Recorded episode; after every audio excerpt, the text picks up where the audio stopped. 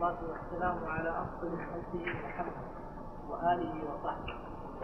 أما بعد فهذا مختصر فهذا مختصر محتوى على مسائل على مسائل. على مسائل تحرير المنقول وتهذيب علم الأصول في أصول الفقه. جمع الشيخ العلامة على الدين الزجاوي. الحنبلي تغمده الله برحمته وأسكنه تسبيح جنته. مما قدمه أو كان عليه الأكثر من أصحابنا دون الأقوال. خال من قول ثاني إلا لفائدة تزيد على معرفة الخلاف ومن عزو مقال ومن عزو مقال إلى من إياه إلى من إياه قال ومتى قلت في وجه فالمقدم غير قوله فإذا قوي الخلاف أو اختلف الترجيح أو مع إطلاق القولين أو الأقوال. إذا لم أطلع على مصرح بالترجيح. ها؟ إيش؟ لا إذا نعم ها؟ نشرح إن شاء الله نعم وأرجو أن يكون بسم الله الرحمن الرحيم الحمد لله رب العالمين والصلاة والسلام على نبينا محمد وعلى آله وأصحابه أجمعين قال المؤلف رحمه الله تعالى وترجمته موجودة قبل هذه المقدمة بإمكانكم الرجوع إليها. قال الحمد لله الذي هو كما أثنى على نفسه أي كما وصف نفسه بصفات الكمال مكررا ذلك فالعبد لا يحصي ثناء على ربه لأن صفات الله تعالى وأحكامه وأفعاله لا منتهى لها وكل وصف أو حكم أو فعل فإنه مستحق سبحانه وتعالى للثناء عليه. وهل نحن نحصي أفعال الله وأحكامه وصفاته؟ الجواب لا. إذا لا نحصي الثناء عليه. والصلاة والسلام على أفضل خلقه محمد وآله وصحبه. قوله على أفضل خلقه عام يشمل الملائكة والجن والإنس والسماوات والأرض. فمحمد رسول الله صلى الله عليه وسلم هو أفضل خلق الله. قال الناظم وأفضل الخلق على الإطلاق نبينا فمل عن الشقاق. محمد بن عبد الله بن هاشم القرشي الهاشمي صلوات الله وسلامه عليه وآله وصحبه آله هم أتباعه على دينه من قرابته وغيره وصحبه هم أصحابه وهو كل من اجتمع بالنبي صلى الله عليه وسلم مؤمنا به ومات على ذلك. أما بعد هذه كلمة يؤتى بها من للانتقال من المقدمة إلى الموضوع. وليست كما قال بعضهم للانتقال من أسلوب إلى آخر لأنه لو كان كذلك لكانت أما بعد تأتي كثيرا. ولكن المراد الانتقال من المقدمة إلى الموضوع. يؤتى بأما بعد. وإعرابها كما يقول النحويون أما نائبة عن مهما يكن من شيء. فهي نائبة عن اسم شرط وفعل شرط. وبعد ظرف. وفهذا الجملة جواب الشرط المحذوف مع فعل الشرط. فهذا مختصر محتو إلى آخره. مختصر يعني مقلل. فما قل لفظه وكثر معناه فهو مختصر. محتو أي جامع على مسائل تحرير المنقول وتهذيب علم الأصول. لو لو جعل تحرير المنقول وتهذيب علم الأصول بين قوسين لكان أولى. لأن كلمة تحرير المنقول وتهذيب علم الأصول هذا اسم للكتاب. اسم الكتاب مطول. هذا الكتاب الذي نقرأه الآن مختصر منه. قال وتهذيب علم الأصول في أصول الفقه. وأصول الفقه سيأتي إن شاء الله تعريفها في كلام المؤلف. جمع الشيخ العلامة علاء الدين المرداوي الحنبلي وهو صاحب الإنصاف الكتاب المشهور. له كتاب اسمه تحرير المنقول وتهذيب علم الأصول. هذب فيه علم الأصول ورتبه وجعله على أبواب ومقدمات وسيأتي إن شاء الله تعالى بيان ذلك في كلام المؤلف. قال تغمده الله برحمته أي غطاه بها. وهو مأخوذ من غمد السيف وهو جرابه الذي دخل فيه وأسكنه فسيح جنته أي واسع جنته وهو من باب إضافة الصفة إلى الموصوف أي الجنة الفسيحة مما قدمه. يعني معناه أن هذا المختصر يقول ذكر ذكر فيه ما قدمه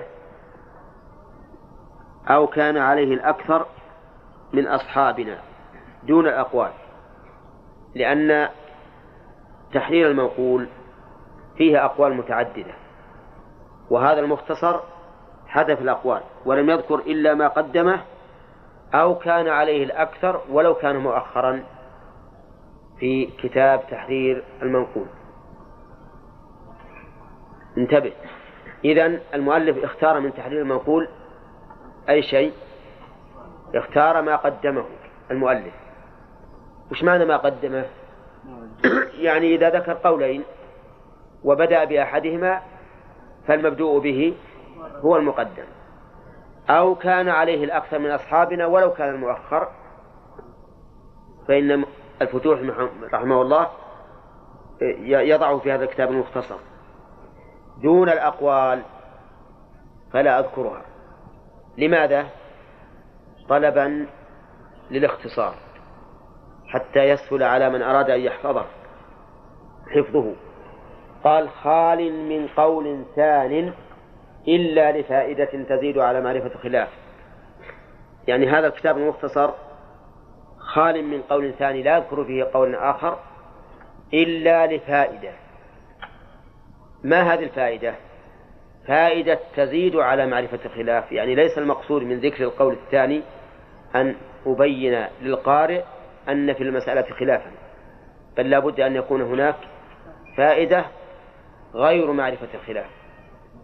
ويمر بنا ذلك إن شاء الله تعالى. يقول ومن عزو مقال إلى من إياه قال. خال من عزو عزو بمعنى إضافة أو نسبة. يعني لا أنسب المقال إلى قائله. فلا أقول قال فلان كذا وكذا بل إن اضطررت إلى ذكر خلاف أقول وقيل كذا وقيل كذا. لماذا لا يعزوه إلى قائله؟ كل هذا طلبا للاختصار مع العلم بأن عزو القائل إلى قائله فيه فائدة لأن الأقوال في الواقع يطمئن الإنسان الإنسان إليها إذا عرف قائلها إذا عرف قائلها. لكن لشدة طلب الاختصار من المؤلف حذف عزو الأقوال إلى قائلها. قال ومتى قلت؟ في وجه فالمقدم غيره. يعني إذا قلت في مسألة كذا وكذا في وجه. نعم. فالمقدم غيره. إذا قال مثلا كل نهي يقتضي الفساد في وجه فالمقدم غيره. كل نهي لا يقتضي الفساد في وجه فالمقدم غيره. المهم أنه إذا ختم الكلمة بكلمة في وجه أو قال وفي وجه لا يكون كذا وكذا نعم فالمقدم غيره. إذا يكون هو ذكر الضعيف ولا القوي؟ ذكر الضعيف. ذكر الضعيف. نعم. طيب. وإذا قال عن مسألة من المسائل كذا وكذا في وجه. في وجه يعني معناه أن هذا ضعيف هذا القول. والمقدم غيره. مثلا لو قال النهي لا يقتضي الفساد في وجه النهي لا يقتضي الفساد في وجه وش يصير الراجح؟ أنه يقتضي الفساد. الراجح أنه يقتضي الفساد. أما إذا قال في قول أو على قول فإذا قوي الخلاف. يعني معناه إذا قلت كذا وكذا في قول. فالمعنى أن الخلاف قوي وأن المؤلف لم يذكر لا راجحا ولا مرجوحا. وكذلك إذا قال على قول فإنه لا راجح ولا مرجوح لقوة الخلاف. و ومثاله ما ذكره في إثبات الحكمة لله. قال وفعله وأمره لا لحكمة في قول. فعله وأمره لا لحكمة في قول. معناه أن الخلاف في هذه المسألة قوي. هل أفعال الله وأحكامه تعلل أو لا تعلل؟ نعم. على كل حال أفاد المؤلف رحمه الله أنه يشير إلى الخلاف على ثلاث على ثلاث وجوه أو على ثلاث صور. فتارة يقول في وجه وتارة يقول في قول وتارة يقول على قول. إذا قال في وجه فالمقدم غيره. إذن هو ذكر الضعيف. إذا قال على قول ففيه خلاف قول. لم يترجح عنده شيء. إذا قال على قول فالخلاف قوي لا يترجح فيه شيء. وهذا طبعا اصطلاح من المؤلف وليس معناه كلما جاءت مثل هذه العبارة فلها هذا الحكم. لأن هذه اصطلاحات خاصة. أرأيت مثلا المعروف عند المحدثين أنهم إذا قالوا متفق عليه؟ فمن رواه. طيب. إي نعم لكن في المنتقى إذا قال متفق عليه فرواه البخاري ومسلم وأحمد. هذا اصطلاح هذا اصطلاح فما دام المؤلف ذكر اصطلاحه في مقدمة الكتاب فإنه لا يقال له إننا لا نعرف هذه هذه العبارة مرادا بها هذا المعنى. يقول ما دام هذا اصطلاحه فله اصطلاحه. قال فإذا قوي الخلاف أو اختلف الترجيح أو مع إطلاق القولين أو الأقوال إذا لم أطلع على مصرح بالتصحيح. إذا صارت في قول وعلى قول تكون في ثلاث مواضع. إذا قوي الخلاف الثاني أو اختلف الترجيح أو مع إطلاق القولين أو الأقوال إذا إذا لم يطلع على مصرح بالتصحيح بمعنى أنه أن غيره ذكر أن أن المسألة فيها قولان وأطلق ولم يرجح فأنا أقول في قول أو على قول. وأرجو أن يكون مغنيا لحفاظه على وجازة ألفاظه. إذا كأن المؤلف يقول لنا احفظوا فأرجو أن يكون مغنيا لحفاظه على وجازة ألفاظه. وأسأل الله تعالى أن يعصمني ومن قرأه من الزلل وأن يوفقنا والمسلمين لما يرضيه من القول والعمل. آمين. ثم قال المؤلف رحمه الله مقدمة موضوع كل علم ما يبحث فيه عن عوارضه الذاتية فموضوع ذا الأدلة الموصلة إلى الفقه. يقول العلماء إنه إن كل من أراد طلب علم فلا بد أن يعرف موضوعه حتى يعرف ماذا يطلب. ما موضوعه؟ هو الذي يبحث فيه عن عوارضه الذاتية. هنا عبارة أخصر من هذه وأوضح. موضوعه هو محل البحث يعني ما يبحث فيه. فمثلا باب صلاة الجمعة وش موضوعه؟ أحكام الجمعة صلاة الجمعة. الفقه موضوعه العبادات والمعاملات وما أشبه ذلك. فموضوع كل علم هو الذي يبحث فيه يعني موضوع البحث هو موضوع العلم. عوارض عوارضه الذاتية العوارض يعني الأوصاف من وجوب وتحريم وكراهة وصحة وفساد وما أشبه ذلك. فالعوارض هي الصفات جمع عارضة. الذاتية احترازا من العوارض غير الذاتية العارضة. هذه ما تدخل في الموضوع. موضوع العلوم هي العوارض الذاتية يعني الأوصاف التي يبحث فيها في هذا العلم وتكون أوصاف لازمة بخلاف العوارض. ما موضوع علم أصول الفقه الأدلة الموصلة إلى الفقه. هذا موضوع علم الفقه آه، علم الأصول. ولهذا تجد علم الأصول يبحث في الكتاب والسنة والإجماع والقياس وما يتفرع عن ذلك. ومن زاد؟ الاستصحاب والمصالح المرسلة. هو يبحث في هذه في هذه الأشياء. هل يبحث في حكم صلاة من صلى إلى غير القبلة؟ ها؟ لا ما يبحث فيه. هذا الذي يبحث فيه الفقه. نعم. إذا لو سئلت ما موضوع علم أصول الفقه فقل أدلة الفقه أو الأدلة الموصلة إلى الفقه. وهذا هو الصواب الأدلة الموصلة إلى الفقه. ما هي؟ الكتاب والسنة والإجماع والقياس الصحيح. ولا بد لمن طلب علما أن يتصوره بوجه ما. صح. كل إنسان يريد أن يطلب العلم لا بد يتصوره. لكن بوجه ما إذ أنه لا يمكنه أن يتصوره تصورا كاملا إلا بعد أن يدركه ويخلص منه. فالتصور الكامل لا يكون لمن ابتدأ طلب العلم لأنه لو تصوره كاملا لم يحتاج إلى تعلمه. لكن أن يتصوره بوجه ما وما هذه نكرة واصفة يعني بوجه أي وجه.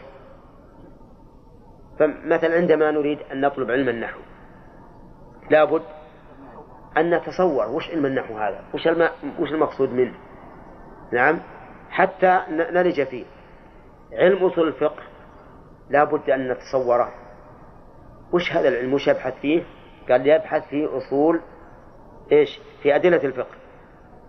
أو في, في الوصول إلى أد... في الأدلة الموصلة إلى الفقه في الأدلة الموصلة إلى الفقه.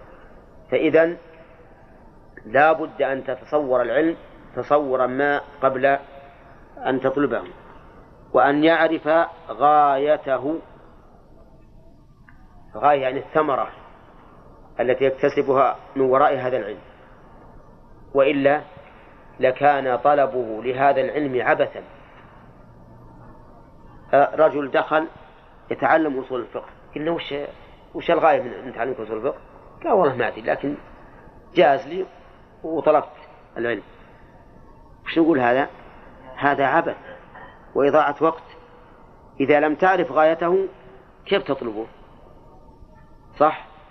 ولهذا حتى في الأمور الدنيوية لو أراد أحد مثلا يسافر إلى إلى إلى إلى بلد ما وش غاية السفر؟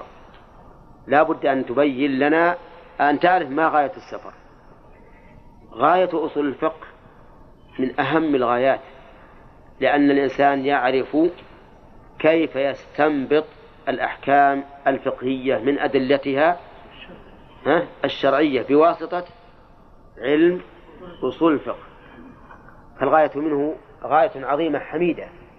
ولا يمكن للإنسان أن يستنبط الأحكام من الأدلة على وجه سليم إلا بذلك وإلا لضاع ولم يعرف أو على الأقل لم يحرر المسائل كما ينبغي. قال فأصول جمع أصل. الآن بدأ المؤلف يعرف أصول الفقه. نعم أي نعم. ويعرف غايته ومادته. مادته يعني من أين يؤخذ؟ من أين يؤخذ؟ لماذا؟ لأجل أن أن يذهب إلى هذه المادة ويطلبها حتى يصل إليه. أما أن تطلب شيئا وأنت لا تعرف مادته ولا من أين يؤخذ فإن هذا يشق عليك أن تصل إلى إلى درجة الكمال فيه. فأصول جمع أصل وهو لغة ما يبنى عليه غيره. واصطلاحا ما له فرع. الأصول في اللغة ما يبنى عليه غيره.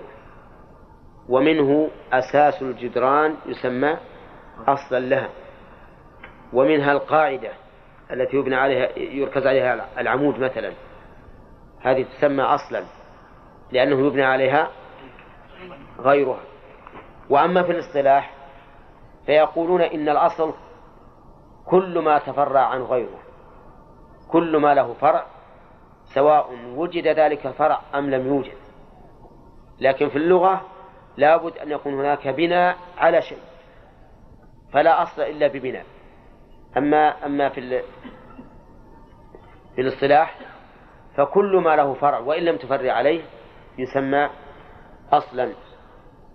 ويطلق على الدليل غالبا. وهو المراد هنا. وعلى الرجحان والقاعدة المستمرة والمقيس عليه. أفادنا المؤلف أن كلمة أصول تطلق على أربعة أمور. أولا على الدليل كما في قول أهل العلم الأصل في هذا قول النبي صلى الله عليه وسلم كذا وكذا. الأصل في هذا قول الله تعالى كذا وكذا. الأصل في هذا الإجماع. نعم. مثلا يقول يسن للمسافر إذا سافر أن يصلي الرباعية ركعتين. والأصل في ذلك قوله تعالى وإذا ضربتم في الأرض فليس عليكم جناح أن تقصروا من الصلاة. الأصل بمعنى الدليل. طيب. قال وهو المراد هنا. أي في قول أصول الفقه. المراد بذلك أدلته الموصلة إليه. ويطلق أيضا على الرجحان وعلى القاعدة المستمرة. على الرجحان مثل رجل متوضئ. ثم شك هل أحدث أو لا. نقول الأصل أنك على طهارتك. يعني الراجح أنك على طهارتك لأن الحدث طارئ والأصل عدم وجوده. فهذا هو الرجحان. القاعدة المستمرة هي الضوابط التي نراها في الفقه. تجدهم يعللون الشيء بعلة. فيبنون عليها مسائل. مثل قولنا أن الدفع أسهل من الرفع.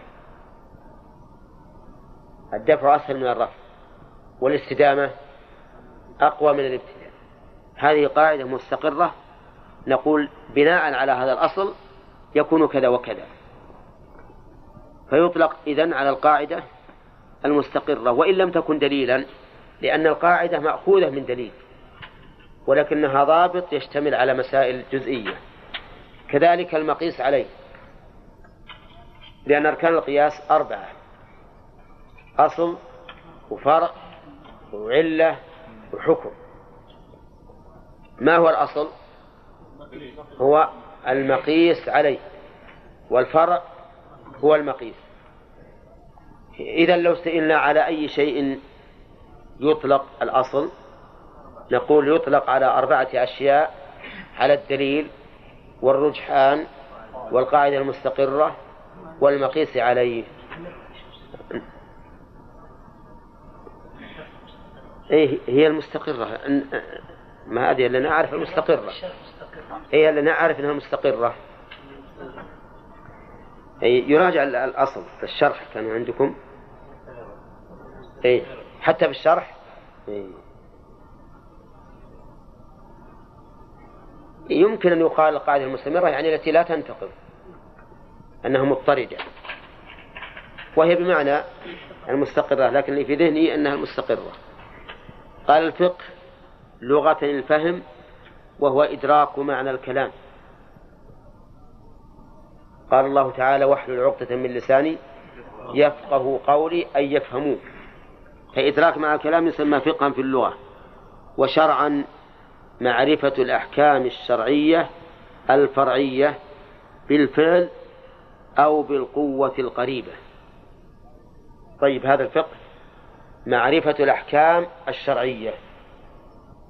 كلمة معرفة تشمل العلم والظن لأن إدراك الأحكام الشرعية تارة يكون علما وتارة يكون ظنا.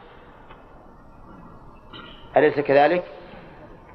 فوجوب الصيام المستفاد من قوله تعالى كتب عليكم الصيام. هذا علم ولا ظن؟ علم. هذا نقول هذا إدراك لحكم الصيام علما يقينيا. بعض المسائل الخلافية كوجوب أو رجحان الوضوء من مس الذكر. نعم. هذا هذا ظني. يعني فيه لأنه يحتمل خلاف ما حكمت به. طيب إذا المعرفة تشمل إيه؟ العلم الظن الأحكام الشرعية.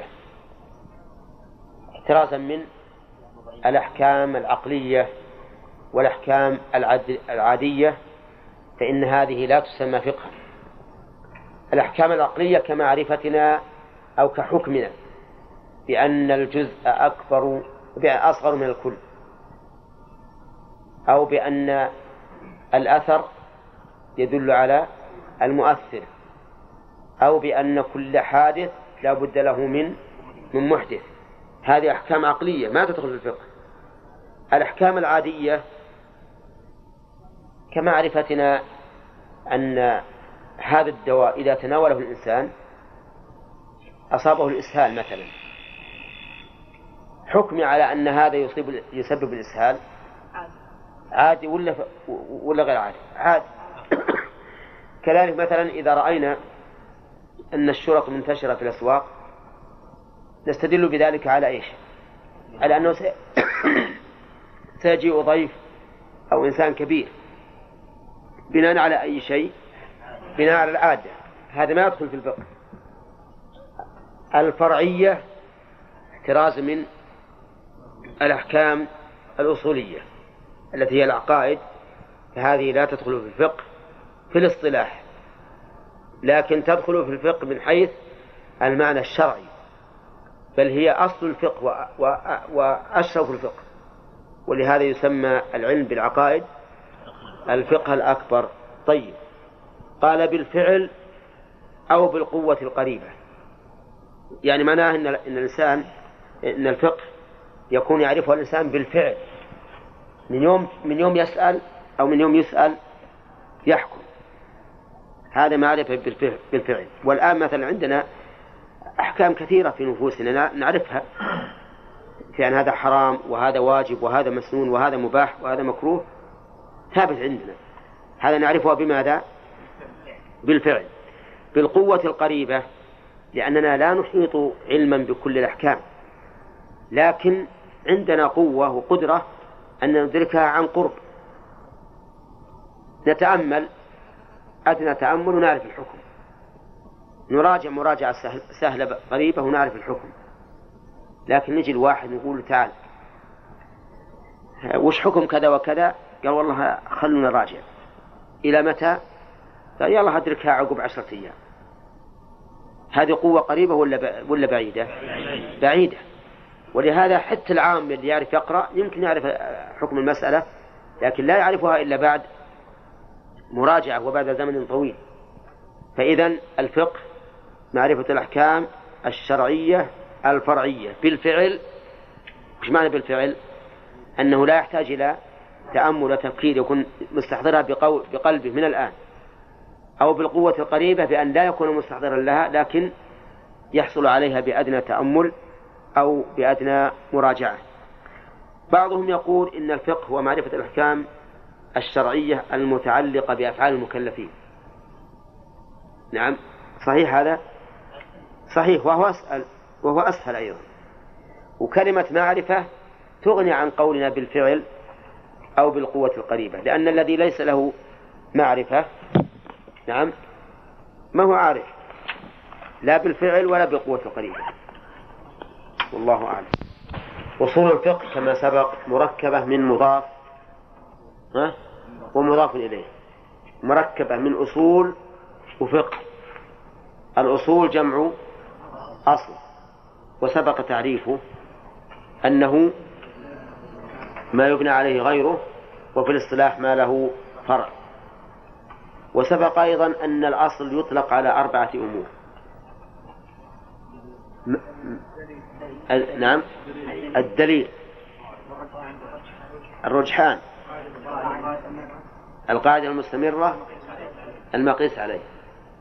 كذا؟ طيب. قولنا هذا مثل قولنا إن كلمة أمة تطلق على أربعة معاني. يعني الأصل يطلق على أربعة معاني. الفقه لغة الفهم. وشرعا معرفة الأحكام الشرعية الفرعية بالفعل أو بالقوة القريبة. هذا هذا تعريف لأصول الفقه باعتبار جزئين أي أننا عرفنا المضاف أولا ثم المضاف إليه ثانيا. قال المؤلف رحمه الله وأصول الفقه أما الفقيه من عرف جملة غالبة منها كذلك فيريد المؤلف رحمه الله أن الفقيه هو الذي يعرف جملة غالبة من الأحكام الشرعية الفرعية كذلك أي بالفعل أو بالقوة القريبة. وكل إنسان يعرف الفقه يعرف الفقيه لأن الفقيه هو الذي اتصف بالفقه. أما أصول الفقه علما وش معنى علما؟ يعني اسما لهذا الفن المعين. علما يعني اسما لهذا الفن المعين. يعني لو سألك سائل وش أصول الفقه؟ فاستمع التعريف قال القواعد التي يتوصل بها إلى استنباط الأحكام الشرعية الفرعية. استنباطها منين؟ من الأدلة. فهي فهو عبارة عن قواعد. والقواعد جمع قاعدة وهو الأمر الكلي الذي يتفرع إليه يتفرع عليه مسائل جزئية. القواعد التي يتوصل بها يعني أنك إذا عرفتها توصلت إلى استنباط الأحكام الشرعية. استنباط بمعنى استخراج الأحكام الشرعية من الأدلة. ففائدة أصول الفقه الآن فائدة عظيمة جدا لأن الإنسان إذا عرفه ورزقه الله تعالى فهما استطاع أن يستنبط الأحكام الشرعية من الكتاب والسنة وغيرها من الأدلة لأن لأن معه آلة يستنبط بها فهو بمنزلة الحفار الذي يحفر الإنسان به الأرض ليستنبط الماء. فهذا هو أصول الفقه قواعد وليس جزئيات. شوف الآن نقول في أصول الفقه الأمر للوجوب النهي للتحريم النهي يقتضي الفساد الواجب يثاب فاعله تجد قواعد عامة لكن يتوصل بها الإنسان إلى استنباط الأحكام الشرعية من أدلتها التفصيلية قال والأصولي من عرفها وش عرف؟ عرف أصول الفقه. فإذا قيل أصولي أي عالم بأصول الفقه. وغايتها معرفة أحكام الله تعالى والعمل بها أي بأحكام الله. يعني لو سألنا سائل ما هي الغاية من أصول الفقه؟ فالجواب أن الغاية أن تعرف أحكام الله عز وجل؟ وقوله العمل بها الواقع أنه ليس ليس فهم هذه الأصول مستلزما للعمل. ولكن نعم هو الثمرة صح ثمرتها العمل بها لأن هذه الأصول أو المرحلة الأولى. المرحلة الثانية العلم بما تقتضيه النصوص بناء على هذه الأصول. المرحلة الثالثة العمل. فالعمل ثمرة لكن الغاية من دراسة أصول الفقه أن تعلم الأحكام الشرعية من أدلتها بواسطة هذه الأصول. أما أن نقول العمل فهو في الحقيقة ثمرة وليس بغاية لأن الأصولي إذا عرف كيف يستنبط الأحكام من الأدلة الشرعية انتهى هذه وظيفته. لكن العمل ثمرة أخرى. قال و ومعرفتها فرض كفاية كالفقه. معرفة أصول الفقه فرض كفاية.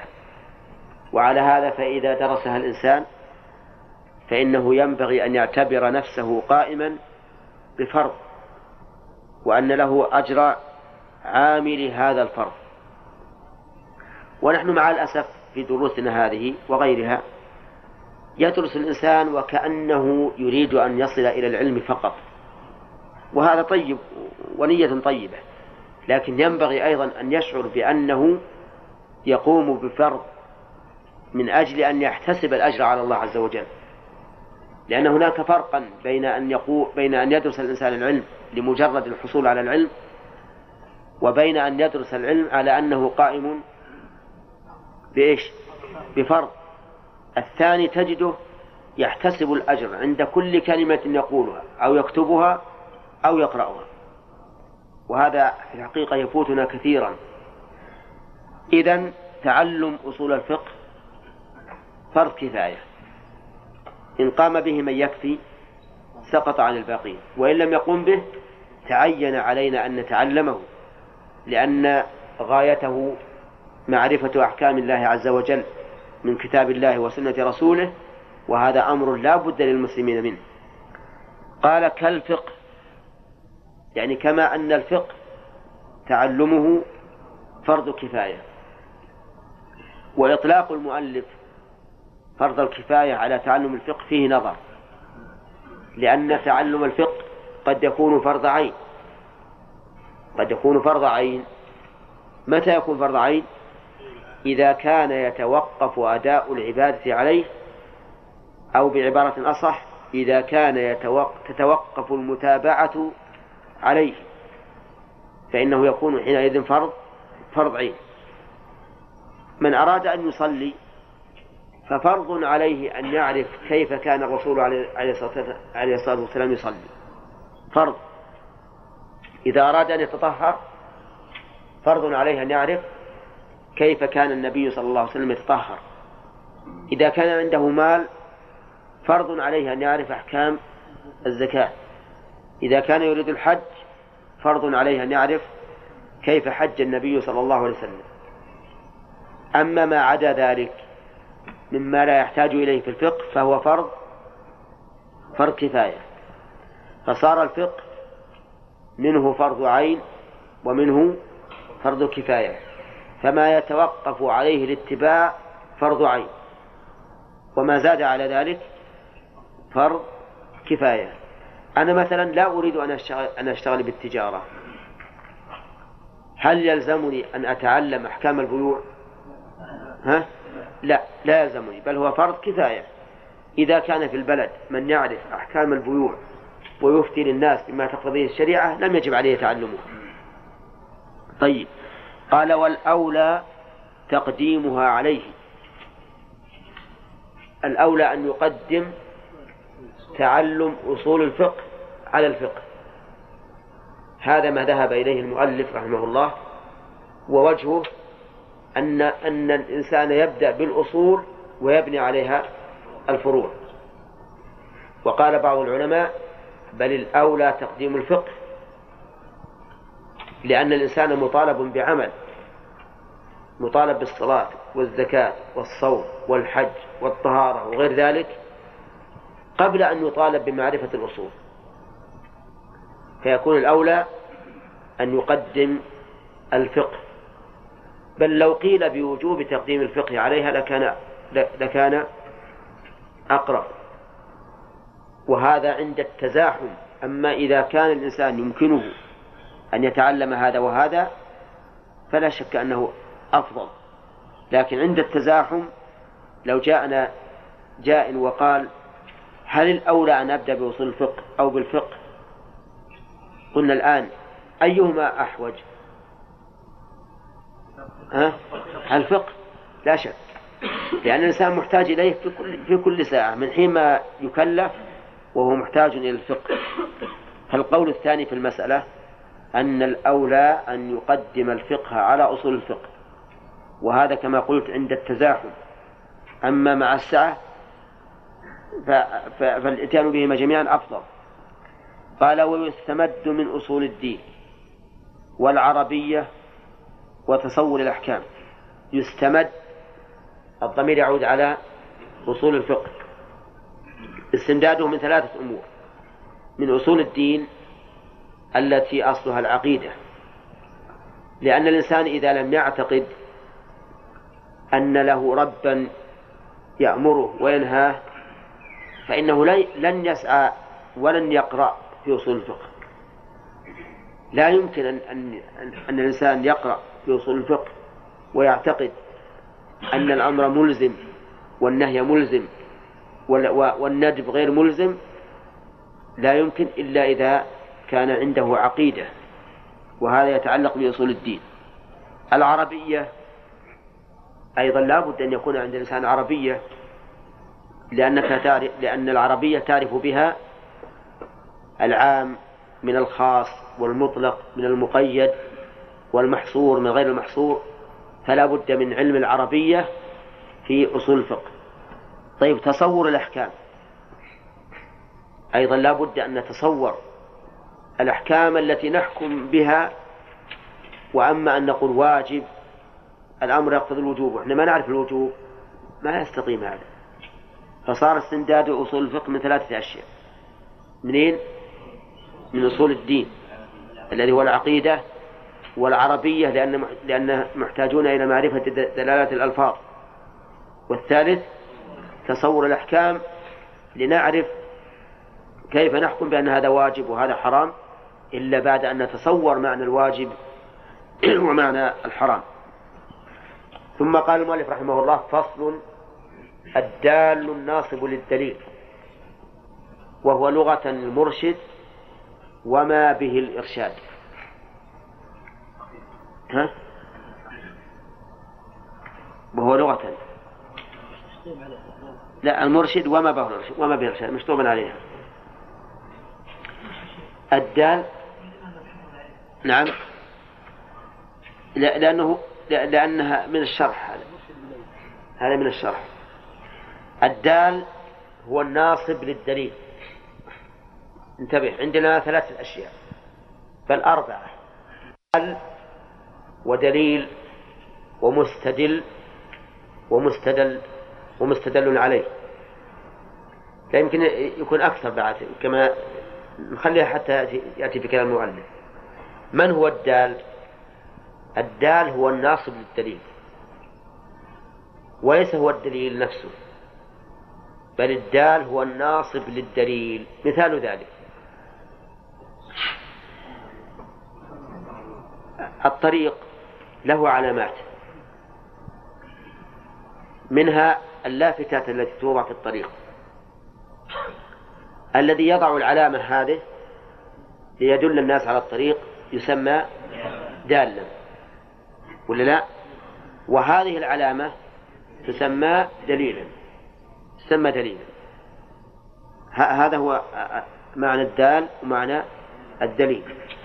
فيقول المؤلف الدال هو الناصب للدليل وهو لغة المرشد وما به الإرشاد. هو الدليل هو الضمير يعود إلى أقرب مذكور يعني الدليل. المرشد وما به الإرشاد. الغريب أن المؤلف رحمه الله في المعنى الأخير جعل الدليل بمعنى الدال. لأنه قال المرشد وما به الإرشاد. الذي به الإرشاد هو الدليل. والمرشد هو الواضع للدليل. هو الدال. فكأن المؤلف رحمه الله جمع بين القولين لأن بعض العلماء يقول إن الدليل هو الواضع إن الدال هو الواضع للدليل وهو نفس الذي يحصل, يحصل به الإرشاد الذي هو الدليل. فاللافتة مثلا الموضوعة يصح أن نسميها دالا يصح أن نسميها دالا لأنه حصل به الإرشاد ونسميها أيضا دليلا. وكل هذا من باب سعة اللغة. طيب يقول وشرعا يعني الدليل شرعا ما يمكن التوصل بصحيح النظر فيه إلى مطلوب خبري أي تصديقي. انتبه للدليل. قال الدليل شرعا ما يمكن التوصل بصحيح النظر فيه إلى مطلوب خبري يعني الشيء الذي إذا نظرت إليه بنظر صحيح أمكنك أن تتوصل إلى مطلوب خبري. ولو قال المؤلف بدل مطلوب الخبري إلى حكم لكان أوضح لأن المطلوب الخبري هو الحكم. هو الذي هو التصديق. فالدليل إذا شرعا كل شيء إذا نظرت إليه نظرا صحيحا توصلت به إلى حكم. فهو دليل دليل شرعي. وكلمة ما يمكن التوصل فيه تعني أن الإنسان قد يتوصل وقد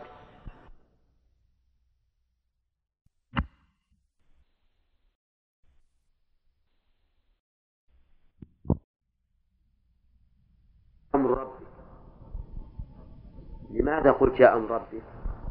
قال لأن العقل يمنع مجيء الله بذاته. فيتعين أن نصرفه إلى المعنى المجازي نقول هذا النظر صحيح ولا غير صحيح؟ غير صحيح.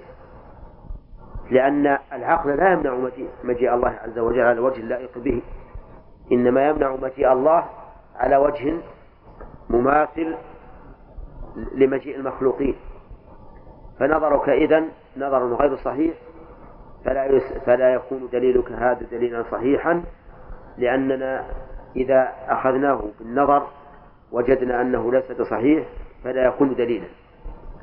كأن المؤلف رحمه الله يقول إن الدليل هو الذي يدل على الشيء على الحكم على وجه صحيح أو بعبارة أخرى ما يمكن التوصل به إلى الحكم على وجه صحيح. فخرج بذلك ما يتوصل به إلى الحكم على وجه فاسد فهذا لا يسمى دليلا في الشرع. الأدلة كم هي؟ الكتاب والسنة والإجماع والقياس الصحيح. هذا هو الذي عليه جمهور أهل العلم. قال ويحصل المطلوب المكتسب عقبه عادة. يعني معنى ذلك أن الإنسان إذا نظر إلى الدليل حصل المطلوب بمجرد النظر عادة ولا عقلا؟ يقول المؤلف عادة. مثاله رجل اغتسل للتبرد اغتسل للتبرد وكان عليه جنابة. فهل يرتفع حدثه؟ لا. وش الدليل؟ إنما الأعمال بالنيات. بمجرد ما تنظر في الدليل يحصل عقب هذا النظر الحكم على أن هذا الاغتسال ليس ليس بصحيح. وهل هذا الذي حصل حصل بمقتضى العقل؟ ولا بمقتضى العادة؟ يقول المؤلف إنه بمقتضى العادة. يعني عادة الإنسان المستدل أنه إذا نظر في الدليل حصل الحكم عقب النظر في الدليل. وبعضهم يرى أنه يحصل الحكم عقبه عادة. آه، قصد عقلا. يحصل الحكم عقب النظر عقلا. والصحيح في هذا أن ينظر إذا كانت العقل يقتضي التلازم بين الدليل والمدلول فإن فإنه يحصل عقلا. لأنه لا لأن التلازم بين الدليل والمدلول عقلا يوجب أن يوجد المدلول إذا وجد الدليل. أما إذا كان لا يقتضيه العقل فهذا نعم يحصل عادة وليس عقلا لعدم التلازم العقلي بينهما بقي عندنا المستدل والمستدل عليه والمستدل به والمستدل له أربعة أشياء على كل حال الكتاب هذا أنا قلت لكم من قبل إن فيه صعوبة ها؟ ها؟ صدق للدليل وما هو الدليل؟ هو لغة المرشد وما به الإرشاد. وشرعا ومراده شرعا يعني اصطلاحا ما يتوصل به ما يمكن التوصل بصحيح النظر فيه إلى مطلوب خبري. يعني كل شيء يمكن التوصل فيه إلى مطلوب خبري أي تصديقي يعني إلى حكم من الأحكام يسمى دليلا اصطلاحا. فالإشارات في الاصطلاح لا في الاصطلاح. ليس ليس دليل لكن في اللغة دليل. لأن لأن المؤلف يقول وهو لغة المرشد وما به الإرشاد. أما الاصطلاح فإن الدليل هو الذي يمكن التوصل بصحيح النظر فيه إلى مطلوب خبري. مو إلى مطلوب حسي. والخبري يقول المؤلف بمعنى التصديق. كقولنا هذا جائز هذا واجب هذا ممنوع وما أشبه ذلك. طيب عندنا عاد أيضا أركان مستدل ودال ودليل ومستدل عليه ومستدل به ومستدل له. ها؟ ستة نشوف الآن. يقول المؤلف رحمه الله المستدل هو الطالب له أي للدليل من سائل ومسؤول. فكل من طلب الدليل ليثبت الحكم يسمى مستدلا سواء كان سائلا أو مسؤولا. الفرق بين السائل والمسؤول كالفرق بين المستفتي والمفتي. طيب يقول فالدال هو الله عز وجل. الدال هو الله لأنه هو الذي نصب الدليل. والدليل القرآن والمبين الرسول. وإذا اقتصرنا على ما قال المؤلف صار الكلام الآن على القرآن نفسه. لأن الرسول مبين للقرآن.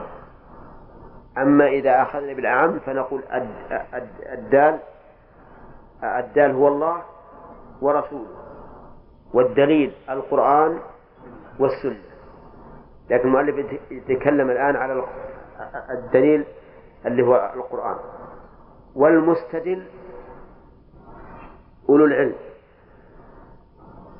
المستدل أولو العلم. طيب أولو العلم يعني أصحاب العلم. وسبق قبل قليل أن المستدل هو الطالب للدليل. فيقال نعم إن أولي العلم يطلبون الدليل فهم المستدلون. قال هذه قواعد الإسلام. هذه الأشياء الأربعة الدال والدليل والمبين والمستدل. هذه قواعد الإسلام. المؤلف نقل هذا الكلام من نص الإمام أحمد رحمه الله. فيقول القواعد يعني الأركان هي هذه. لأن الأحكام تحتاج إلى دال ودليل ومبين ومستدل. مع أن المبين بالحقيقة يعتبر دالا لأنه يبين لك المراد. والمستدل عليه الحكم. حكم من واجب وحرام ومكروه وما أشبه ذلك. فنحن نستدل على وجوب الصلاة بقوله تعالى كذا وكذا. إذا المستدل عليه ما هو؟ إيش؟ الحكم. وبه ما يوجبه. إيش معنى وبه؟ يعني المستدل به ما يوجب الحكم. وهو أربعة القرآن والسنة والإجماع والقياس الصحيح. طيب ثم قال المؤلف وله الخصم. يعني المستدل له هو الخصم. يعني فيما لو كنت تجادل إنسانا ثم أتيت بدليل نقول الآن أنت مستدل له بمعنى أنك تستدل لقولك على خصمك. ثم قال والنظر هنا فكر يطلب به علم أو ظن. النظر هنا يعني بقوله ما ما يمكن التوصل بصحيح النظر فيه. ما المراد بالنظر في قولنا بصحيح النظر يقول هو فكر يطلب به علم أو ظن. لأن الوصول إلى الأحكام تارة يكون عن طريق العلم وتارة يكون عن طريق الظن. بمعنى أنك أحيانا تجزم بأن هذا الحكم حرام بأن حكم هذا الشيء حرام أو واجب أو ما أشبه ذلك وأحيانا تظن. قال والفكر هنا حركة النفس من المطالب إلى المبادئ ورجوعه ورجوعها منها إليها. لو قال حركة القلب لكان أوضح للإنسان. لكن المعنى واضح. حركة النفس من المطالب إلى المبادئ. ورجوعها منها إليها. عندما تنظر في حكم مسألة من المسائل كما لو قال لك قائل مثلا ما حكم الالتفات في الصلاة؟ أول تنظر في الالتفات ما هو؟ ثم بالدليل عليه ثم تحكم. فتجد نفسك متردد بين شيئين. بين دليل ومستدل له أو مستدل عليه. أيهما المبدأ؟ يحتمل أن يكون ولهذا اختلفوا فيه. هل هو هل المبدأ الدليل أو المبدأ المستدل عليه؟ الظاهر لي حسب الترتيب أن المبدأ المستدل عليه لأنك فكر في هذا الشيء أولا ثم تطلب له الدليل. فتبدأ أولا من الشيء الذي تريد أن تعرف حكمه ثم تطلب الدليل له. نعم. وعندي أيضا هناك حركة ثالثة وهي دلالة هذا الدليل. لأنه قد لا يكون قد تجد مثلا شيئا تظنه دليلا وليس بدليل فتحتاج إلى زيادة تفكير تحرك فيه نفسك تتحرك فيه. فالنفس إذا تتحرك بين مستدل عليه ومستدل به وهو الدليل وبين دلالة. هل هذا الدليل صحيح يدل هل صحيح أن هذا الدليل يدل على هذا أو لا؟ نحتاج أيضا إلى فكر. إلى فكر ثالث بعد أن نعرف المحكوم عليه. والدليل يجب أن نعرف هل يدل أو أو لا يدل. ولهذا لا ليس ليس علينا بعيدا ما ذكرناه في درس صحيح البخاري. أن البخاري رحمه الله استدل على جواز أو على إجازة الطلاق الثلاث بما ليس بما ليس بدليل. هو صحيح لكن ليس فيه دلالة. طيب. يقول النظر حركة النفس من المطالب إلى المبادئ ورجوعها منها منين؟ من المبادئ إلى المطالب. يعني أنها تتردد بين المطلوب وبين المبدأ. والإدراك والإدراك إلى حكم تصور وبه تصديق. نعم. إدراك الشيء بلا حكم تصور وبه تصديق. وش معنى هذا؟ يعني أنك إذا أدركت الشيء فقط فهذا تصور. والتصور يسبق التصديق لأن التصديق هو الحكم. التصديق هو الحكم.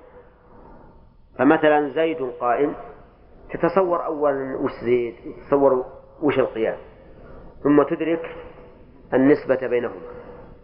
الصلاة واجبة تتصور أولا الصلاة ثم الوجوب وش معناه ثم الحكم عليه. ولهذا تجدون الفقهاء رحمهم الله إذا ذكروا الباب أو الكتاب أول ما يذكرون التعريف. يقول لك الصلاة هي عبادة ذات أقوال وأفعال معلومة مفتتحة بالتكبير مختتمة بالتسليم. هنا تتصور الصلاة إجمالا. ولا لا؟ إجمالا لأنك ما تعرف ما نعرف الآن لا ركوع ولا سجود ولا شيء. أفعال. إذا تصورناها نحكم عليها. نحكم عليها فنقول الصلاة واجبة. فتصور فالإدراك بلا حكم يسمى تصور. وبه تصديق. أنت تدرك مثلا الصلاة. تصور الهيئة العامة منها هذا تصور فإذا قلت الصلاة واجبة فهو تصديق. ولهذا قال العلماء الحكم على الشيء فرع عن تصوره. هنا ثم قال فصل العلم لا يحد في وجه في وجه. آه. المقدم خلاف. المقدم خلافه يعني أن الصحيح أنه يحد إذا إذا قال قائل ما هو العلم؟ يقول العلم معلوم. هذا على رأي من يقول إنه لا يحد ولذلك لو قال لك قائل ما الحب؟ ها؟ الحب معلوم ما يحد البغض معلوم. لا يحد. ما العلم؟ نعم في في وجه يقول لا يحد لأنه معلوم. أنا علمت مثلا أن الواحد نصف الاثنين هذا ما يحتاج أنك تعرف العلم. عرفت مثلا مثلا أن هذه لمبة علمت بذلك ما ما ما يحتاج أنه نحده. لكن المقدم أنه يحد. فاستمع إليه. والصحيح أنه يحد. وذلك لأن العلم يقابله ظن ويقابله شك ويقابله وهم ويقابله جاهل أيضا. فلا بد من معرفته. فالصحيح أنه يحد. قال وهو صفة يميز المتصف بها تمييزا جازما مطابقا. صفة. وليس إدراكا. صفة محلها إيش؟ محلها القلب. يميز المتصف بها تمييزا جازما مطابقا. أميز مثلا إن, إن هذه حقيبة. علمت أنها حقيبة. فإذا ميزتها تمييزا جازما مطابقا. صح ولا لا؟ طيب قلت هذه حقيبة مسجل مغرفون هذه حقيبة. ما هي حق ما ميزتها تمييزا؟ غير مطابق هذا. هذا غير مطابق. نعتبر هذا غير مطابق. طيب سأل في المعنويات سألني سائل متى كانت غزوة الفتح؟ فقلت كانت في السنة العاشرة ها؟ صح ولا لا؟ لا ليس بصحيح. هذا غير مطابق. يسمى علم ولا غير علم؟ غير علم. سألني سائل أيما أسبق غزوة بدر أو غزوة أحد؟ فقلت لا أدري. هذا علم ولا لا؟ هذا جهل. ما ما عندي تمييز. كذا؟ طيب. سألني آخر. أيهما أسبق؟ فقلت أظن أن الأسبق غزوة بدر. هذا غير علم لأنه غير جازم. أولى المؤلف يقول يميز المتصل بها تمييزا جازما. طيب مطابق سألني ثالث وقال أيهما أسبق غزوة بدر أو أحد؟ فقلت أحد. لا دعنا من جهة المركب. هل هو مطابق ولا غير مطابق؟ أنا الآن جازم لكن غير مطابق. إذا علم ولا غير علم؟ هذا غير علم. فلا بد من إدراك الشيء إدراكا جازما مطابقا. التمييز تمييز الشيء تمييزا جازما مطابقا قال فلا يدخل فلا يدخل إدراك الحواس. فلا يدرك فلا يدخل إدراك الحواس لأن إدراك الحواس ليس علما بل العلم ما يحصل من هذا الإدراك. أما مجرد الإدراك فليس بعلم. كوني أدرك أن الذي أمامي زيد وعمر وبكر وخالد إلى آخره يقولون هذا ليس بعلم لأنه ليس صفة بل هو مدرك بالحس. إنما أثر ذلك الشيء أو نتيجة ذلك الشيء؟ علم ولا لا؟ علم. فأنت الآن تدرك الذي أمامك ولكن إدراكك إياه لا يسمى علما. إنما ما يحصل من هذا الإدراك أو ما يترتب على هذا الإدراك يسمى علما. ولهذا كان العلم في المعقولات والمحسوسات. العلم في المعقولات والمحسوسات لكنه في المحسوسات يترتب على على الحس وليس هو الحس. ولهذا إدراك المرء عن طريق إيش؟ الرؤية بالبصر مو عن طريق القلب علم. لكن إذا رأيته وأدركته ببصري علمته. أظن واضح. فإدراكي فرؤية زيد رأيت زيدا الآن. لكن إدراكي أن هذا هو زيد وأنه قاعد أو قائم أو مضطجع يسمى يسمى علما. فلا يدخل إدراك الحواس. قال ويتفاوت كالمعلوم والإيمان. يتفاوت العلم كما كما يتفاوت المعلوم. أظن أن تفاوت المعلوم أمر لا ينكر. أولا مثل إنسان حيوان بيت شجر معروف هذا. كذلك العلم يتفاوت. فإن علم الإنسان بأحوال قريبه ليس كعلمه بأحوال البعيد. وعلمه بدلالة النص القطعي أو بما يدل عليه النص القطعي ليس كعلمه بما يدل عليه النص الظني. وعلى هذا فقس. بل إبراهيم عليه الصلاة والسلام لما قال الله له قال أولم تؤمن؟ قال بلى ولكن ليطمئن قلبي. ولهذا قال المؤلف والإيمان. يعني كما أن الإيمان بالشيء والتصديق وتصديق القلب به يتفاوت فكذلك العلم يتفاوت. وتفاوت العلم أمر ظاهر ولبعض العلماء تجده يحكم على المسألة حكما جازما به لأن عنده من من الأدلة ما ما يصل به إلى اليقين. وبعض العلماء تسأل يقول الله الظاهر كذا الظاهر كذا. الثاني علمه أنقص من الأول. قال ويراد به مجرد الإدراك جازما. يراد به أي بالعلم مجرد الإدراك جازما. أو كلمة جازم توطئة لما بعدها. أو مع احتمال راجح أو مرجوح أو مساوي. يعني معناها أن أن العلم قد يراد به مجرد إدراك جازما كما هو الأصل. أو مع احتمال راجح أو مرجوح أو مساوي.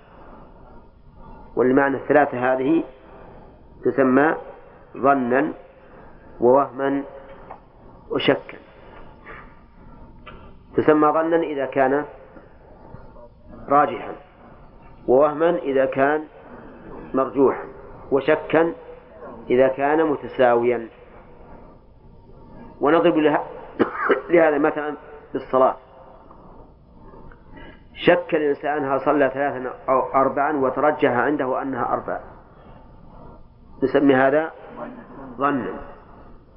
والمرجوح أنها ثلاث. نسميه وهما. وشك رجل هل صلى ثلاثا أم أربعا ولكنه لم يترجح عنده. لا ثلاث ولا أربع. نسميه نسميه شك. والنسب هنا النسب هنا خمس. إدراك جازم مطابق هذا العلم. غير إدراك جهل بسيط. إدراك مخالف للواقع جهل مركب. ظن راجح مع الاحتمالين. وهم المرجوح من الاحتمالين. تساوي شك. فالنسب ست الآن. النسب ست. أعلاها العلم. وأرداها الجهل المركب. لأن الجاهل المركب لا يدري ولا يدري أنه لا يدري. نعم؟ تسأل تقول متى كانت غزوة حنين؟ غزوة حنين؟ نعم. غزوة حنين كانت في السنة السادسة السنة السادسة؟ قال نعم متأكد متأكد مثل الشمس مثل الشمس والقمر نعم إيش نقول هذا؟ ليش؟ كم متى متى كانت غزوة حنين؟ في السنة الثامنة من الهجرة وهذا يقول في السنة السادسة ويجزم. عنده قوة يعني اللي يشوف يقول هذا يقرأ كتاب بين يديه. يقول هذا جاهل جهلا مركبا. وأنتم لا تأخذكم العزيمة تنهزمون. أحيانا يجزم بعض الناس على على صاحبه. يجزم جزم تام متأكد ومتأكد. وإذا به جاهل مركب. جاهل مركب.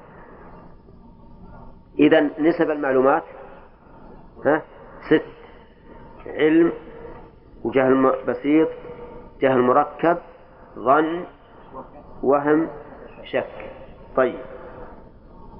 قال والتصديق قطعيا أو ظنيا. يعني ويراد به أي بالعلم التصديق قطعيا أو ظنيا ومعنى المعرفة. يعني أن المؤلف رحمه الله أراد أن يبين أن أن العلم يطلق على عدة إطلاقات. منها أنه قد يراد به التصديق والتصديق معناه عندهم الحكم بالشيء. هذا واجب هذا جائز زيد قائم زيد قاعد وما أشبه ذلك. هذا يسمى تصديقا. فالأحكام تسمى تصديقا. يقول ويراد به معنى المعرفة. يعني قد يراد بالعلم معنى المعرفة. مثل لو لو لو قال لو قال لك قائل سلم عليك وقال أنا فلان بن فلان قلت أعلم هذا أعلم هذا. هل هذا تصديق؟ لا لكن هذا بمعنى المعرفة. ومنه قوله تعالى فإن علمتموهن مؤمنات فلا ترجعوهن إلى الكفار. علمتموهن أي؟ عرفتموهن. لأن علمهن المؤمنات ما يمكن إذ أن ذلك في قلوبهن ولا نعلمه. لكن نعرف أنهن مؤمنات بكلامهن. قال وهي و و نعم.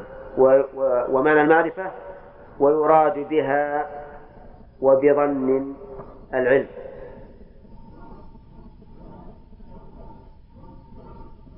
يراد بها يعني بالمعرفة ويراد بالظن العلم.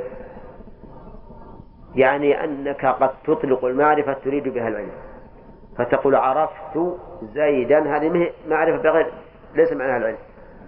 تقول عرفت زيدا قائما بمعنى علمت زيدا قائما الظن أيضا يراد به العلم. ومنه قوله تعالى الذين يظنون أنهم ملاقو ربهم أي يعلمون ويتيقنون ذلك. وهي من حيث إنها علم مستحدث أو انكشاف بعد لبس أخص منه ومن حيث إنها يقين وظن أعم وتطلق على مجرد التصور فتقابله. الآن المؤلف بيقارن بين المعرفة والعلم أيهما أخص وأيهما أعم؟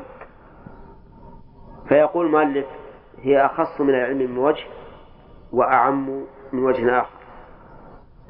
يقول من حيث إنها يقين من حيث إنها علم مستحدث أو انكشاف بعد لبس أخص منه. بمعنى أن المعرفة تقع في علم مستحدث. لم تكن تعلمه من قبل. أو انكشاف بعد لبس هذا في التصور. تكون بالأول الأمر ملتبس عليك ثم ينكشف. فيطلق على هذا معرفة. فهي من هذا يعني أن المعرفة لا تكون إلا في هذا. إلا فيما كان انكشافا بعد لبس أو علما مستحدثا. ولهذا لا نقول إن الله عارف لأن المعرفة لا تكون إلا علما مستحدثا. ومن حيث إنها يقين وظن أعم لأن العلم لا يكون ظنا. والمعرفة تطلق على العلم والظن ولهذا نجد كثيرا من كلام الفقهاء يقول معرفة كذا وكذا. ليشمل العلم والظن. فالفقه معرفة الأحكام الشرعية. لا نقول هي علم الأحكام الشرعية. لماذا؟ لأن العلم لا يطلق على الظن لكن المعرفة تطلق على الظن. قال وتطلق على مجرد التصور فتقابله أي تقابل العلم. كيف؟ تطلق على مجرد التصور بمعنى أن تتصور شيئا من الأشياء كتصور الإنسان تصور الحيوان تصور السماء تصور الأرض تصور الشمس القمر. هذا التصور ما أعطاك شيئا إلا مجرد إدراك فقط. فتطلق المعرفة على التصور. فتقول عرفت الشمس عرفت الإنسان عرفت الحيوان عرفت السماء عرفت الأرض. تقابل حينئذ تقابل العلم. قال وعلم الله سبحانه وتعالى ليس ضروريا ولا نظريا. ها؟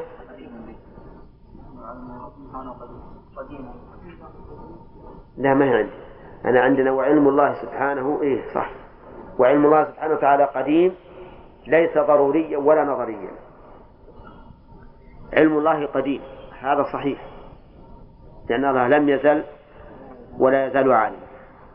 ليس ضروريا ولا نظريا هذا من التكلف.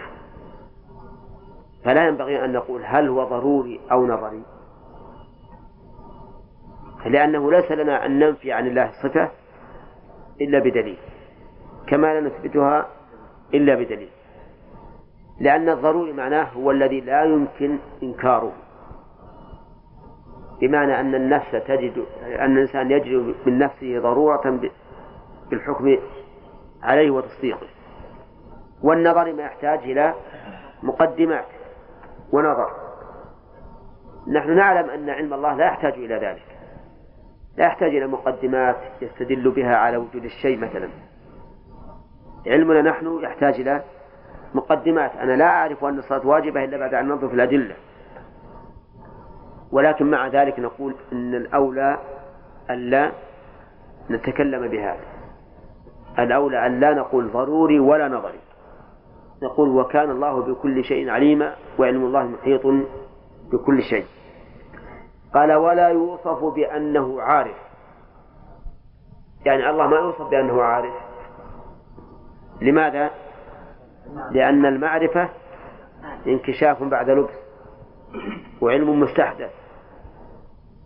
فلو قلنا أن الله عارف لأوهم أن الأمور تخفى عليه ثم يعرفها. أو لا يعلم بعض الشيء ويحدث له العلم بعد ذلك. فإن قلت هذا ينافي قوله عليه الصلاة والسلام تعرف إلى الله في الرخاء يعرفك في الشدة.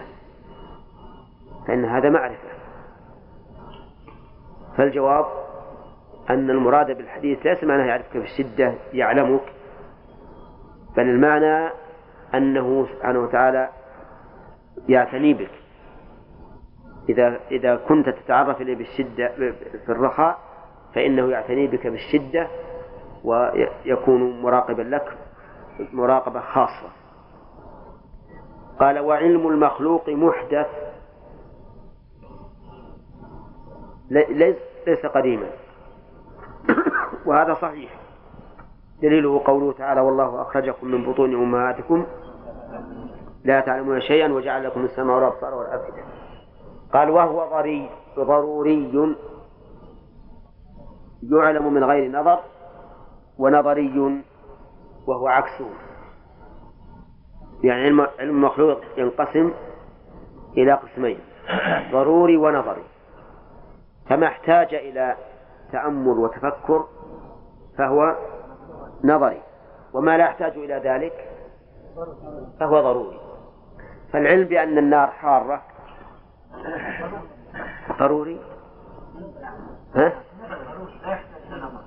ولا لو قال لك واحد هي النار حارة قلت اصبر خلال المساء. ها؟ ما يصير. الحمد لله رب العالمين والصلاة والسلام على نبينا محمد وعلى آله وأصحابه أجمعين. هل العلم محدود أو غير محدود؟ لكن بالحواس ها يحصل العلم. هذا في القرآن. نعم. هذا في القرآن. أي نعم. وجعل لكم السمع. والأبصار لا تعلمون أشياء وجعل لكم السمع والأبصار والأفئدة على كل حال نحن نقول إن العلم صفة. صفة تكون في النفس. يميز بها العالم تمييزا جازما مطابقا وليست إدراكا. صفة. هذا على رأي المؤلف. طيب. هل العلم يتفاوت أو لا؟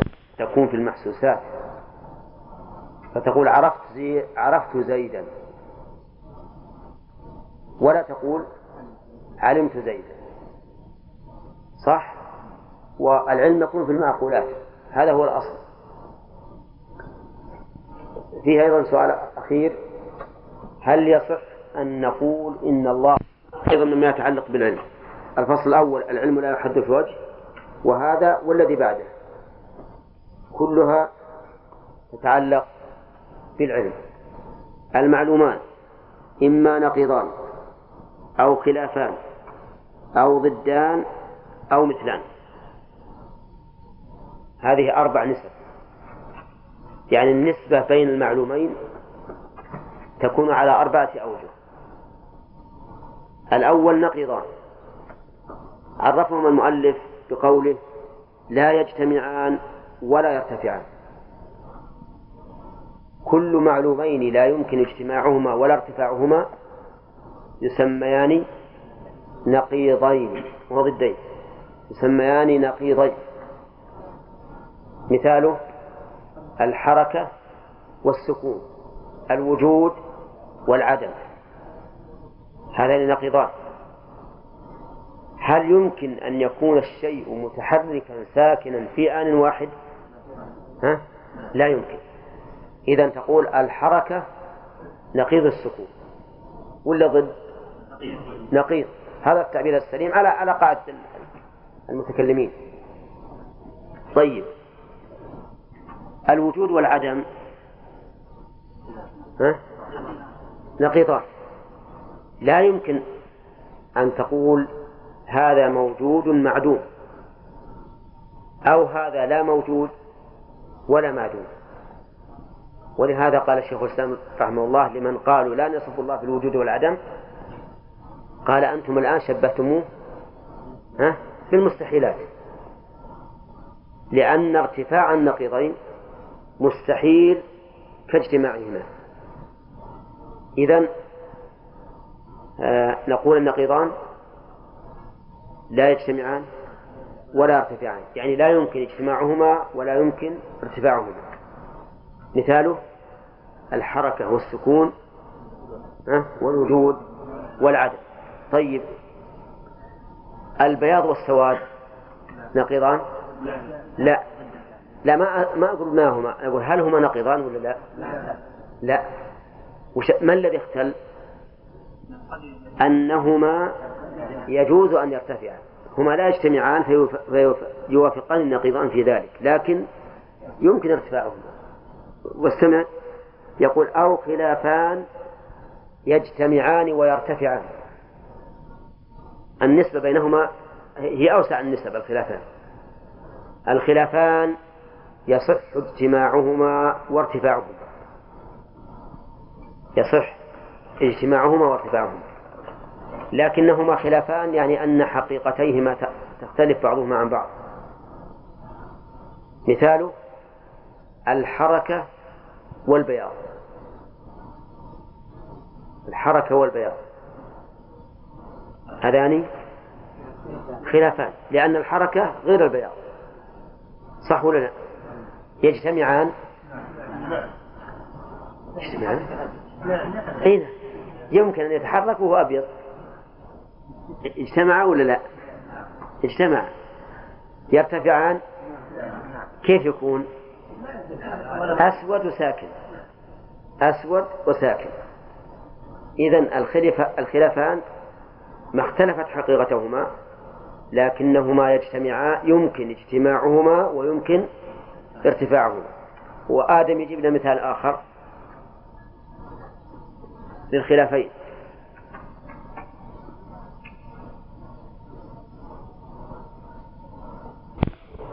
أسود ساكن ويمكن أن يرتفع فيكون أبيض متحرك. صح؟ طيب. ها؟ لا. أنا قلت أبيض متحرك. هو عكس المثال. صح ما يخالف.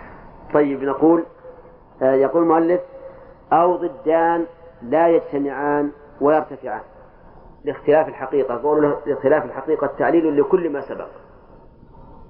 ضدان لا يجتمعان ويرتفعان. الضدان يختلفان في الحقيقة لا شك. كما قال المؤلف لا يمكن أن يجتمعا لأن كل واحد ضد الآخر. ولكن يمكن أن يرتفع وبذلك حصل الفرق بينهما وبين النقيضين. مثاله السواد والبياض. انتبه يا سواد وبياض ضدان. لا يمكن أن يجتمعا. ويمكن أن يرتفعا ولا ما يمكن؟ يكون الشيء أحمر. هذا لا أبيض ولا أسود. طيب فإن قلت يمكن أن يجتمعا يكون الشيء معلما بخط أسود وخط أبيض جنبه. آه ليس في محل واحد. يعني لا يمكن يكون الشيء أبيض أسود مستحيل. طيب فإن قال قائل يمكن يكون أشهب بين البياض والسواد. إذا لا أسود ولا أبيض. لا أسود ولا أبيض. الحاصل أن الضدين لا يجتمعان لا يمكن يجتمعان أبدا. ولكن يمكن أن يرتفع. وكل هذا اصطلاح وإلا فقد يطلق الضد على النقيض والنقيض على الضد. لكن الاصطلاح هو ما ذكر المؤلف. وقوله لاختلاف الحقيقة تعليل لكل ما سبق. لأن الحقيقة في كل الأقسام الثلاثة ها مختلفة. النقيضان حقيقتهما والخلافان مختلفة. والضدان مختلفة. ثم قال المؤلف أو مثلان لا يجتمعان ويرتفعان لتساوي الحقيقة. الضد المثلان هما المتساويان. يعني هما شيء واحد كبياض وبياض. يقول المؤلف لا يجتمعان. كيف ما لا يجتمعان؟ أي نعم لأن لأن الأب هو أبيض وأبيض. ما ما ما في اختلاف. حتى نقول إنهما اجتمعا أصل هذا بياض وهذا بياض. شيء واحد. ولا لا؟ فبياض الثوب وبياض الثلج شيء واحد. لا يجتمعان لماذا؟ لأن كل واحد منهما لا لا يخالف الآخر. فهما شيء واحد. يعني ليس شيئين حتى نقول إنهما شيء اجتمعا بل البياض مثلا شيء واحد السواد شيء واحد. لكن يرتفعان ولا لا؟ يرتفعان. فبياض وبياض. يمكن أن يحل بدلهما سواد أو حمرة أو صفرة أو ما أشبه ذلك. طيب بشر وإنسان. واحد. إذا ما يمكن نقول يجتمعان. يقول ليس متباينين حتى يحتاج إلى أن نقول ها يجتمعان. فهما شيء واحد. ويرتفعان ولا ما يرتفعان؟ يكون الشيء بعيرا. ولا لا؟ طيب. فهذه النسب الأربع إذا قال قائل ما هو الدليل عليها؟ نقول الدليل على ذلك التتبع. لو تتبعت كل الموجودات ما وجدتها تخرج عن هذا أبدا.